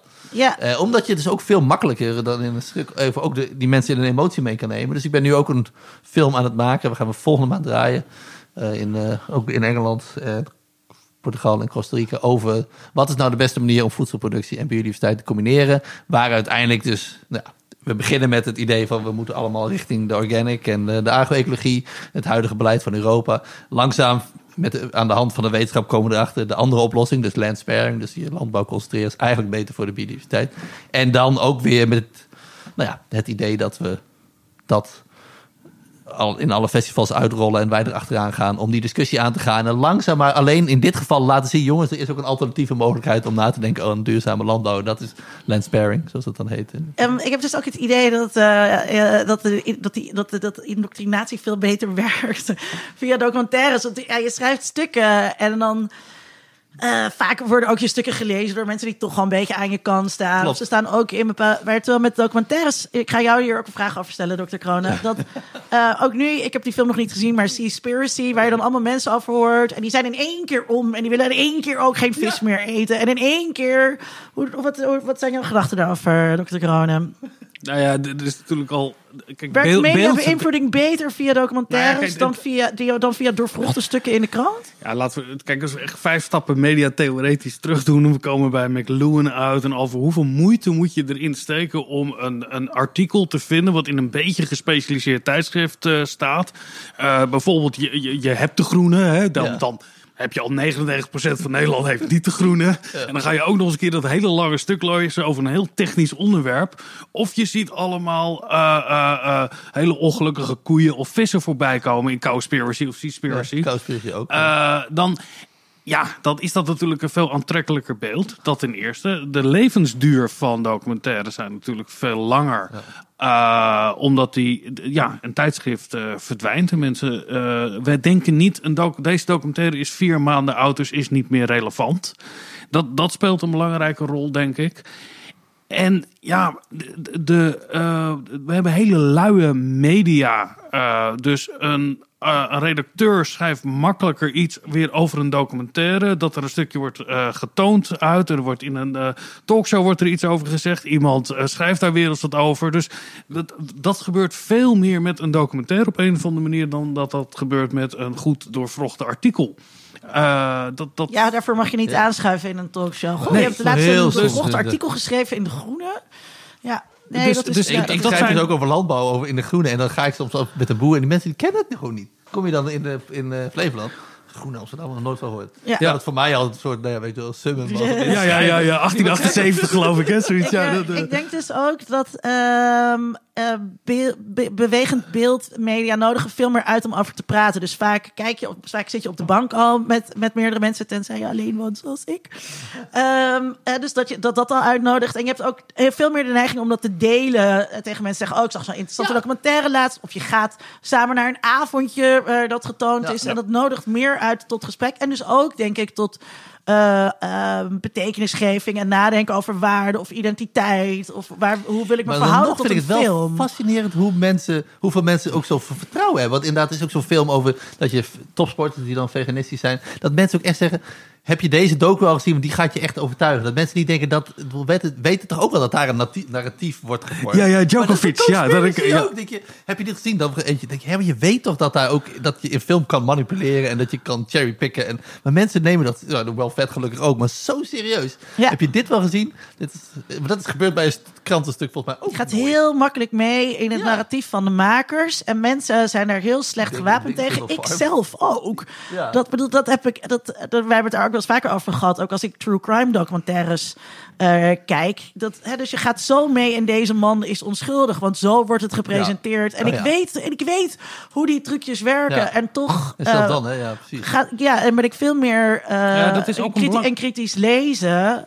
het, het is niet alleen het beeld zelf, maar ook het vertelperspectief is in een documentaire anders dan in een geschreven stuk. Ja. Eh, Ja. Omdat in een documentaire, ik, ik heb jouw documentaire nog niet ge- gezien, maar ik durf te beweren dat er ergens iets in het begin zit van een omkering. Zeker. Ik dacht Ja, altijd wij- wij dit, maken do- ja. en dan ga je Ja, ja, de. Wij omkering. volgens de Ja. fictiewetten. Ja, en Dus eh, eerst, zo, eh, kijk, zo, en zo dan, werken ja. die, eh, de klassieke Ja, wetten. Aristoteles heeft dat al Ja. beschreven. Ja. hè? Alles Nou, de expositio krijg je die omkeer. Dat is ook heel fijn om in te zitten. Dan word je in meegenomen. Als je een artikel leest die zegt... Nou, er, Ja. is uit, er is nog een rapport waaruit blijkt... eh, ja, nee. Nee, je wil iemand zien Ja, die een rapport heeft Meegenomen geschreven. Ja. En eh, niemand wilde naar hem luisteren. En dan ligt dat rapport wel op tafel. Maar dan gaat daar het verhaal over. Er zijn wel auteurs die ver komen. In, in, in, ook in Malcolm Gladwell kan wel dat soort verhalen vertellen. Waar je Nou, hij, ook eh, in Hans meegezogen wordt. ja. Voor hem is het gelukt. Ja. Met feiten. En hij heeft natuurlijk een paar fantastische TED-talks gedaan. Ja. Die eh, zo aardig, die miljoenen keren zijn gekeken. Omdat hij, dat, dat heeft hem geholpen. Dus alleen op basis van zijn feiten werd, het- was het ook niet gelukt. Maar hij heeft het wel knap Maar gedaan. ik kan, niet, ik kan dit dus niet. eh, ik, ik heb dit boek dus. Ja. En ik ben er begonnen. En ik vind het heel moeilijk om dit te lezen. Ja? Omdat het, Oh, ja. omdat het is. Het is een soort. Ik ben op eh, pagina Oh, ik 75. vond het- ja, ja. Ehm, het is. Het, hij neemt me veel te veel bij de hand. Oh, ja. En hij neemt me heel erg Ja, zo'n narratief in. En dan denk ik, ja, meneer, hallo. En dan ga ik dus in de, in de kritische tegenleesmode. Ja. Terwijl als ik naar hem luister in een TED-talk... dan laat ik het allemaal over me Ja. heen stromen. Ja. En, eh, en, Ja, en al die dingen. Ik heb ja, uiteindelijk kijk. ook wel kritiek op hem gelezen. Hij heeft ook wel een narratief inderdaad. En een ideologie. Het is en, een hele eh, bepaalde manier ja. van vertellen Ja. die voor mij als, als wetenschapper gewoon niet prettig is. Oké, nee. Nee, nee, maar eh, de, de act Het of boek is reading. niet voor of- mij ook, hè? Dat, Nee, dat is ook niet voor jou. Het is wel een goed punt dat je zegt. Als je documentaire zit te kijken. Ik heb niet dat ik een documentaire zit te kijken. En dat iemand iets zegt. Dat ik hem op pauze zet. Dat ik even naar buiten kijk. En, en denk. Wat vind ik hier nou eigenlijk van? Dat doe ik. Als ik lees, doe ik dat wel. Als ik iets lees en ik denk, verrek. Eh, even- je- of, of heb ik dat wel goed gelezen? Dan ga ik nog even terug. Ja. Hoe, hoe kwamen we hier er- ook er alweer? Ja, Ja. dan ga je even terug eh erin. eh, Jack Snoop ze even, klopt het wel? Ja, ja. wel. Eh, eh, referenties. Dat zijn allemaal dingen Ja, die je in documentaire niet hebt natuurlijk. Je ziet alleen een hele Ja. zielige koe. Ehm, eh, ik, ik, eh, we, we komen wel ergens, denk ik. Ehm, want want ehm, wat, waar we het over hadden, van dat, je, dat, dat, die, dat die, we hebben die vastgeroeste frames. En ehm, dat is heel lastig om dat te weerleggen als je op de radio gaat. Want dan word je tegenover elkaar gezet. Dan krijg je het both sides verhaal. Het is lastig als je eh, eh, een stuk aan het schrijven bent. Want dan moet je er zelf iets tegenover zetten. Maar misschien is die documentaire dus wel... Ja, voor een deel. Ehm. en hoe je het ook bent of keert. Ik ken wel dat verhaal van die neoli- neo- neoliberalistische kliek... die eigenlijk al in de jaren 60 volgens mij begon bij elkaar te komen. Hayek en zo. Die toen ook hebben gezegd van... nou, het duurt even, maar onze ideeën komen. Dus er zijn ook... eh, gegeven moment natuurlijk al Dat- die dat- dat hebben jullie als model, infiltreren. nou ja, dat, we dat, eh, aan de ene kant... strik- Dus het kan wel mensen van gedachten veranderen. Maar dit was een heel slecht voorbeeld als zijn Ja. dat was een verschrikkelijk idee. Maar Ja. het lukt wel, maar toch, het duurt wel lang hoor. Ja. Als ik nu nog moet beginnen als ecomonist, want we, ja, we zijn eigenlijk nog nergens. Er gaat de straat op en 99 van 100 mensen heeft er nog nooit van gehoord. Ja, dan zou je pas... Wacht maar tot deze podcast uit is. Maar hoe, hoe, voorkom, hoe 2000 voorkom je dat je eh, niet... Er zijn natuurlijk ook voorbeelden dat er rapporten zijn verschenen over... het valt allemaal wel mee, eh, hoe slecht roken voor je is... of eh, het milieu valt allemaal mee, of uitstoot van fossielen. Dat het gezien wordt als... ja. Uiteindelijk, die documentaire zal uiteindelijk wel gewoon betaald worden Ja, door de industrie. ja, ja. of Kijk, ik- eh, een, eh, de, de rechtse neef ja. van George Soros. Of, eh, eh, Ja, maar dit zit al, een beetje in het frame, het zit al een beetje in het frame dat die ecomonisme in de eerste plaats toch ook een beetje van die... Kijk, het idee van wij zijn een soort optimistisch over de inventiviteit van de mens. Dat is ook een van de basisdingen van het, van het ecomonisme. Wij geloven dat de mensheid in de basis goed is. Ze doen slechte dingen, maar ze kunnen ook hele goede dingen doen. Dus zijn daar een hele, dat is heel rechts, toch? Dat, ja, gek genoeg wel. Ja. Dat was vroeger ook niet zo. Want het hele idee van vooruit met de Nee, maar dat- dat, dat is heel links. Het is, echt allemaal helemaal omgekeerd. Het is zo gek. Ja, dat is hartstikke links. Nou, ja, dit is, De sociaaldemocratie was toch, jongens, wij mensen gaan de wereld beter Ja. maken. Ja, maar wel onder strak gezag van eh, het morele leiderschap dat, natuurlijk. Dat, ja. dat ecomonisme staat ook heel erg op de schouders van de sociaaldemocratie. Dus is eigenlijk in de basis volgens mij een, een linkse beweging. Dat zeg je alleen maar om je handen te wassen. Ja, en ik ben zelf dus nog linkser dan dat. Want ik, eh, nou ja, maar ik denk gek genoeg dat het, het- het- want het is heel erg ook dat frame van optimisme is een soort roze bril en het idee van het komt allemaal vanzelf wel goed. Nou, dat is het laatste wat de ecomodernisme zegt. Want als ik denk aan bijvoorbeeld de toekomst van de Europese landbouw, dan denk ik aan een strak geleide eh, ruimtelijke ordening. We, gaan, eh, we weten hoeveel voedsel we moeten produceren, voor hoeveel mensen. Dat gaan we hier doen en daar niet. En daar gaan we dus. dus Geen tomaten meer bouwen in de kassen in Nederland. nou ja, alleen kassen maar vind ik dan eh, nog wel juist, als met groene energie vind ik dat juist een van de meest duurzame manieren van productie. Want je haalt er tien keer zoveel uit als van een open veld. Dus als je die Ah, die energie... tomaten uit Italië zijn zo lekker. dat dan ook weer, volgens mij, als je ze naast elkaar proeft, merk je dat, merk je dat niet. Dus de plannen die wij als ecomodernisme hebben om de problemen op te lossen, zijn vaak veel radicaler. En als je kijkt ook naar de energietransitie, ja, als ik kijk naar groen, dan moet het kunnen met wind en zon. En wij zeggen nee, ook kerncentrales, ook eh, carbon capture and storage, ook, eh, nou ja, en eventueel zelfs in de grootste, ik hoop het niet dat het nodig is met geoengineering, we moeten er wel in investeren. Dus het gek is dat wij de kritiek krijgen dat we eh, te optimistisch en te lak zijn, terwijl bij ons gaan alle remmen los als het ware. Dus we Ja. heel veel geld in Het wordt geen feest. Ja, Nee, tenminste, ja, nee, ik- ik denk van wel heel veel kweekvlees. Want ik denk ook dat, kijk, met een moreel appel op vlees eten gaan we het niet redden. We, de, je ziet dat, dat er een groei is van vleesvervangers, maar tegelijkertijd gaat de vleesconsumptie ook omhoog. Ja. Dus dat werkt gewoon niet. Je moet, ik denk ook, technologie is bevrijdend. Dat is een heel onpopulair tegen standpunt, technofix. Maar ik denk de enige manier om onze vleesconsumptie naar beneden te krijgen... is een alternatief aanbieden wat net zo lekker is en net zo goedkoop. Dat is de enige manier waarop het gaat lukken. Dus heel veel investeren in, eh, in kweekvlees en ook dus allerlei andere innovaties. En is dat dus veel radicaler eh, en ook vaak overheidsgedreven beleid. Dus dat hele idee van dat frame dat wij wel eh, denken dat het vanzelf goed gaat, dat, dat is absoluut niet zo. Dus Goed, alles, als je kijkt waarom Nederland nu schoner is dan in de jaren 60, de lucht is, is dat allemaal innovatie. En dat is niet vanzelf gegaan. Dat is innovaties en eh, durven investeren en durven te deployen en daar geld voor, voor, voor opzij zetten. Dat werkt. Hoe wordt er eh, in de wetenschap, om het even maar zo te zeggen, eh, tegen dit ecomodernisme aangekeken? Ja, het, het- als, het is, ik vind het wel interessant inderdaad. Die, die, je zag het bij biologie, zag je, zie je ook een heel erg twee stromen beleid. hè. Als je biologie binnenloopt, heb je de ecologen en je hebt de, de, de biotechnologen. En er is dus eigenlijk ook volgens De mij een arme soort... mensen en de rijke mensen. Eh, nou ja, maar ook een beetje. Er zijn dus voor mij twee eh, stromingen Hoe in de noemt, hoe noemt de het ook alweer? De hmm, gap. Eh, de, de gap instinct. Oh ja, het is niet- je hebt wetenschappers die dus heel erg bezig zijn met het onderzoeken van de impact van de mensen op de samenleving. Dat zijn dus bijvoorbeeld ecologen, maar ook klimaatwetenschappers die dus heel erg zien, hier, onze, het gaat wel heel erg slecht met de vervuiling en met de klimaatverandering. Dat is één set wetenschappers. En de andere zijn de mensen die, de technologen en de ingenieurs die proberen hun brein in te zetten op nieuwe technologie. En die ziet dus heel erg dat alle ingenieurs, bij wijze van, die zijn ecomodernistisch en alle ecologen niet. Het is Ja. een heel fascinerende tweestrijd die je daar dus ook al hebt. Door de reden, het is waarschijnlijk geen toeval dat ik voor de moleculaire richting koos. En dat is een groepje mensen waarbij ik me optimistisch thuis voel. De durf om God te spelen, weet je wel. Ik, ik heb heel veel genetische modificatie gedaan in het lab. En het idee dat, we, dat ik bij een kennis kan gebruiken om de wereld beter, beter te maken. Nou, dat wordt aan de ene kant gezien als een soort eh, hubris, weet je, overmoed. Dus binnen de wetenschap heb je ook zo'n twee stromingen. Wat eigenlijk neerkomt op een waardestrijd. En binnen biologie is dat heel erg. Maar op de TU's zijn allemaal ecomodernisten. Maar op de sociale wetenschappen waarschijnlijk veel minder. Ja, Ja. Dat is heel fascinerend. interessant. Aan het einde van de aflevering gaan wij altijd een vraag beantwoorden. En ik denk dat de vraag deze keer iets is van hoe, hoe kunnen we nou.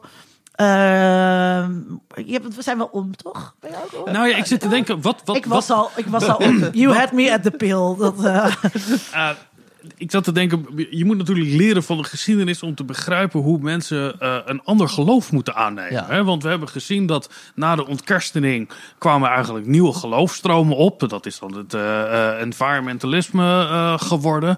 Eh, wat was nou zo aantrekkelijk voor mensen om de kerk te verlaten en zich in deze eh, groepen te gaan begeven? Nee, maar dan maak je het, dan maak je het oorzakelijk. En dat, en dat is het natuurlijk niet. De mensen, de mensen verlieten de kerk. Ja, ja. en, shit, en wat, en wat ontstond er daarna? Nee, nee oké, maar laat maar Ja. dit verhaal. Dus op het moment dat je ze dit zou, deze mensen de- de- die in dit frame zitten, en dat worden er steeds meer, en dat, ik denk dat, dat er heel veel waarde zit in dit frame, dat, dat ontken je ook niet.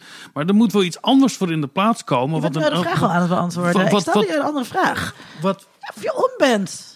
Heb de vraag nog niet gesteld. Eerst moet je ik deze ben een inleiding aan het geven wanneer ik om zou zijn. Ik zou om zijn op het moment dat ik daarmee opgenomen zou worden. En ook de bevestiging uit mijn omgeving zou krijgen. En eh, dat ik dan ook kan zeggen, eh, dan, dat ik niet hoef te zeggen... nee, ik ben gestopt met vlees eten en we hebben geen auto meer. Maar dat ik kan zeggen, goh, ik heb eh, extra geïnvesteerd in gooit technologie. je flessen in de vuilnisbak. Ja, vrienden die accepteren jou überhaupt al niet in dit eco-verhaal. Nou ja, precies. Dus ik, ik, Dus misschien moet ik deze even uitzetten, dit frame.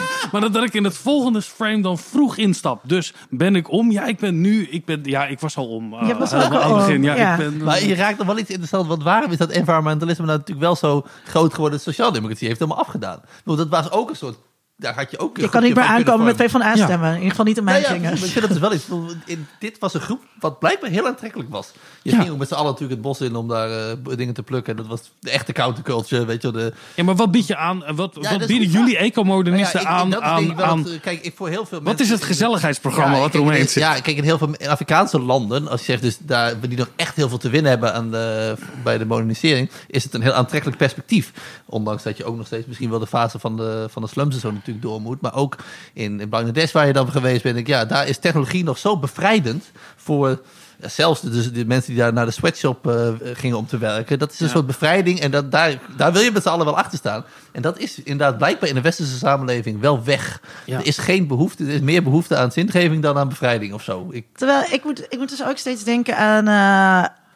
hè, we zitten hier nu in het centrum van Amsterdam. Eh, eh, toen ik hier kwam wonen, was deze straat nog heel erg een autostraat. en bijna alles in Amsterdam wordt ingericht op eh, fietsers. Maar wel op een hele ehm eh, eigen tijd eh, ehm, eh, manier. Waar er echt heel goed over nagedacht wordt. Fietssnelwegen, bla bla bla bla bla. Maar dat is toch ook een soort van ecomodernisme? ja, terwijl het ook heel erg aangejaagd wordt voor groen natuurlijk. Dus er zit ook heel veel overlap. maar we gaan helemaal zie- niet. Het is niet een soort. We gaan terug in de tijd Nee. ja, naar paard en. Vroeger waren er helemaal niet zoveel fietsen in Amsterdam. Er zijn nog nooit zoveel fietsen in Amsterdam geweest. Ja. Dat, eh, dat, dat heel veel Oh ja. aanhangers hier nu van het groene denken in de stad, die leven voor de rest natuurlijk een belachelijk modern leven. Dus er zit ook al, die allemaal veel op vakantie En die, gaan op, maar, en die, kopen, en die kopen ook een Ja, elektrische dus het is ook niet het is Eh, ja. heel geks dat we ook onze voedsel, vooral of tot de voedselproductie willen we dan wel eens. Ja. Maar de rest is, al blijft ook wel heel modern. Oké, dus eh, als we dus eh, van uitgaan dat, dat, dat, dat we meer mensen naar deze kanten willen halen, wat is dan? Dus ik kwam bij mijn vraag van de, Oh, van de, vraag. ja, de vraag van de aflevering van. Wat, hoe kunnen we nou zorgen dat, dat meer mensen naar de kant van ecomodernisten komen met behulp van media? Ja. Nou, Ik, ik, ben- ik ben dus bezig met een film eh, die, vol- die we volgende maand gaan schieten, waarin we dat heel erg proberen. Dus het, je moet inderdaad je moet een, een alternatief bieden wat aantrekkelijk is. Dus ik denk heel vaak ook als het, als het gaat over het frame rond intensieve landbouw, dat is niet aantrekkelijk. Maar als je gaat zeggen, 75% van Europa kunnen we teruggeven aan de natuur. En we gaan dus ook naar eh, Portugal, waar een heel stuk zogenaamd rewild wordt, van voormalige boeren. 2000 hectare of zo, die wat allemaal weer natuur wordt. Dus dat je ze een aantrekkelijk perspectief geeft. Holy fuck, we kunnen een Europa inleven waar we op een kwart van tiraal boeren. Dat geeft, zetten we een beetje weg. Maar de rest kunnen we doen wat we willen. Daar kunnen we natuur van maken, maar ook recreatie en cultuurlandschap. En eh, kleinschalige boerderijen kunnen we daar, neer- daar neerzetten die we gewoon leuk vinden om naartoe te gaan. Die niet per se voor de voedselproductie zijn, maar wel heel gezellig. Denk ik dat. Dus ik hoop ook een soort vergezicht daarmee te creëren. Denk, holy fuck, daar wil ik bij horen. Ja, ja, ja, waar je bij wil horen. Ja, Vincent? Ja, dat vooral dat Oh, laatste. normaal, ik, normaal moet ik altijd maar jij hebt je ja, nee, maakt niet uit. Maar vraag, ik- vraag ik altijd eerst ja. Vincent en dan de gast, Sorry, maar dat maakt niet uit. ook, Nee, dat- dat, eh, dat, eh, dat is mijn fout. Ik, Vincent. ik, er, moet een, er moet een morele beloning komen voor dit denken. Eh, want daar verlies je het nu heel hard op. Want nu zit er een enorme morele bonus om eh, in dat kamp van, eh, van minder te komen. En jezelf, nou ja, wat we hebben benoemd, van de verschraling eigenlijk. Eh, en waarbij eh, het, dat je zegt, dat die technologie, dat kan er wel allemaal zijn. En dat kan vooruitgang zijn. En het, posi- het positieve eh, niet gekoppeld wordt aan veelvraat en, en, en, en, en genotzucht. Dus op een of andere manier zou het verhaal moeten zijn dat het een aangenaam standpunt is om bij te houden met een morele Ja. bonus. Nou, dat hoop ik, dat hoop ik niet veel gaan. Want als je echt om de biodiversiteit geeft, dan ga je voor landsparing. De- Dan, wij creëren meer natuur. Nou, dat is natuurlijk eh, door de landbouw te intensiveren. Dus daar hopen we wel ook echt een moreel appel toe. Als je echt de wetenschap volgt, ook op het gebied van biodiversiteit, dan moet je voor Lens Perring gaan. En Dus ik vind dat we, eh, eh, het tweede punt om dit te bereiken is niet alleen maar benoemen wat er zo fijn aan is. Het, het, het andere punt is dat je natuurlijk ook je vijand moet benoemen. Dus al die mensen die met hun bloody moestuin eh, daar heen en weer rijden met de auto om daar de, die vieze wortel te gaan lopen wegkanen. Maar geen, weet je wel, dat door ook te benoemen wat de achterlijkheid is van dat soort gedachten helpt die daar. Ja, dat denk ik wel. Ik denk dat je Nee, de excessen daarvan van mensen werkt keihard moet aanpakken. En dat is ook gewoon heel leuk. Nee, want dat is, maar dat is nou juist precies, zeg maar. Want dan blijf je op dezelfde trein zitten. Namelijk, ze mogen niet met de auto daar naartoe rijden. Dat is nog steeds hetzelfde verhaal als vliegschaamte. Dan wil je ze Nou, autoschaamte ander- je eigen stukje grond hebben. Of die, wat jij als voorbeeld gaf over die versplintering van de landbouw. Als je dat allemaal, om daar ook van, ja, hartstikke leuk dat jij je eigen eh, boertje weet te vinden. Die alles op een biologische manier doet en drie varkens heeft op eh zes hectare. Eh, maar benoem dan ook dat daar de consequenties voor zijn. Maar dat, dat begint ook wel weer met kennis natuurlijk. Ik denk dat, er, dat er nu dus wel een mooi moment is. Eh, omdat er nu juist zoveel weerstand is tegen eh, wetenschappelijke kennis. Dat we dat heel duidelijk zien bij die vrouwen op het museumplein, die placenta-eters, die, die yo- yoga-hoek waar dat uitkomt. Ehm, dat je, ik, ik, ik hecht er veel aan om dat soort ehm, connecties ook bloot te leggen of, of dat te laten zien. En daar is, daar is nu de tijd voor, denk ik, waarin we dat kunnen doen. En dus ook, eh, ja, het deconstrueer die boel. Dus inderdaad, laat, laat zien hoe die dogma's zijn opgekomen binnen Greenpeace of binnen GroenLinks. eh, en waar die dan nu aan vasthouden en wat je, daar tegen, wat je daar tegenover kan zetten. En ik denk dat dat, ja, dat dat, ik had daar nog nooit zo over nagedacht, maar dat documentaires daar hele goede vormen eh, eh, voor, voor zijn. Dat die daar heel veel perspectief in Ja. bieden. Hoop- Lang leven het documentaire. Ja. Lang leven de documentaire. Kijk, dit is En de podcast. aflevering en de podcast. Ja, het is een aflevering naar mijn hart. Als we van tevoren geen idee hadden waar we uit. Ik heb niet van tevoren bedacht. Jij? Nee, nee. Ik heb het niet bedacht. Nee, ik ben ook nog meer voor. En ik had wel wat kritische vragen. Maar ik ben, ik, het, het, het, het, het, het voelt ook heel fijn. Dat hoop ik. En dat Ja. is ook zo. Zie, het voelt ook lekker. Kijk, dit, was de dit was de aflevering 142 van de podcast Onder Mediadoktoren. De redactie bestaat uit mij, Linda Duits, en mijn vaste medemediadokter, Dr. Vincent Kronen. Dat ben ik. Kijk op ondermediadoktoren.nl voor ons archief. En vind daarin bijvoorbeeld aflevering 72, Verantwoord Eten, waar we kort interviewden over wetenschapsnieuws over voedsel en genteig. Eh, aflevering 89, Natuur en Media. En aflevering 136, Weerstand tegen waarheid. Heb ik iets gemist? Nee, volgens mij niet. Ik Dit zat zijn, even dit te- zijn we- wel goede voorbeelden, toch? Nou, we hebben nog eens eentje gemaakt over eh eh eh, kook, ko- kook. Dat is eh, verantwoord eten. Oh, nee, eet, eh, eh, eetmedia. eetmedia. Aflevering 8 of zo is dat. Ja. En eh, de apocalyps moest ik ook zelf nog aan Oh ja. denken. Ik weet niet welke aflevering het is. Eh, deze podcast is gratis, maar podcast maken kost wel geld. We hebben materieel, bijvoorbeeld zoals de microfoon waar ik nu in praat. Maar we betalen ook iemand voor de audio-nabewerking. Vind je ons goed en wil je ons steunen?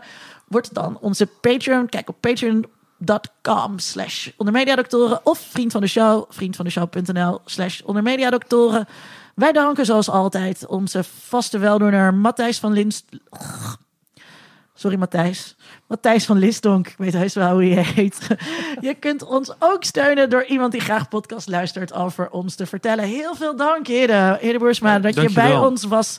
Eh, ook heel veel dank aan eh, Vincent. Jij ook. Bedankt, Linda. Ja, en de volgende keer doen we iets met dieren. Nou, we blijven lekker in het thema. Tot dan. Tot dan. Onder Mediadoktoren is een podcast van Vincent Kronen en Linda Duits. Meer informatie vindt u op ondermediadoktoren.nl.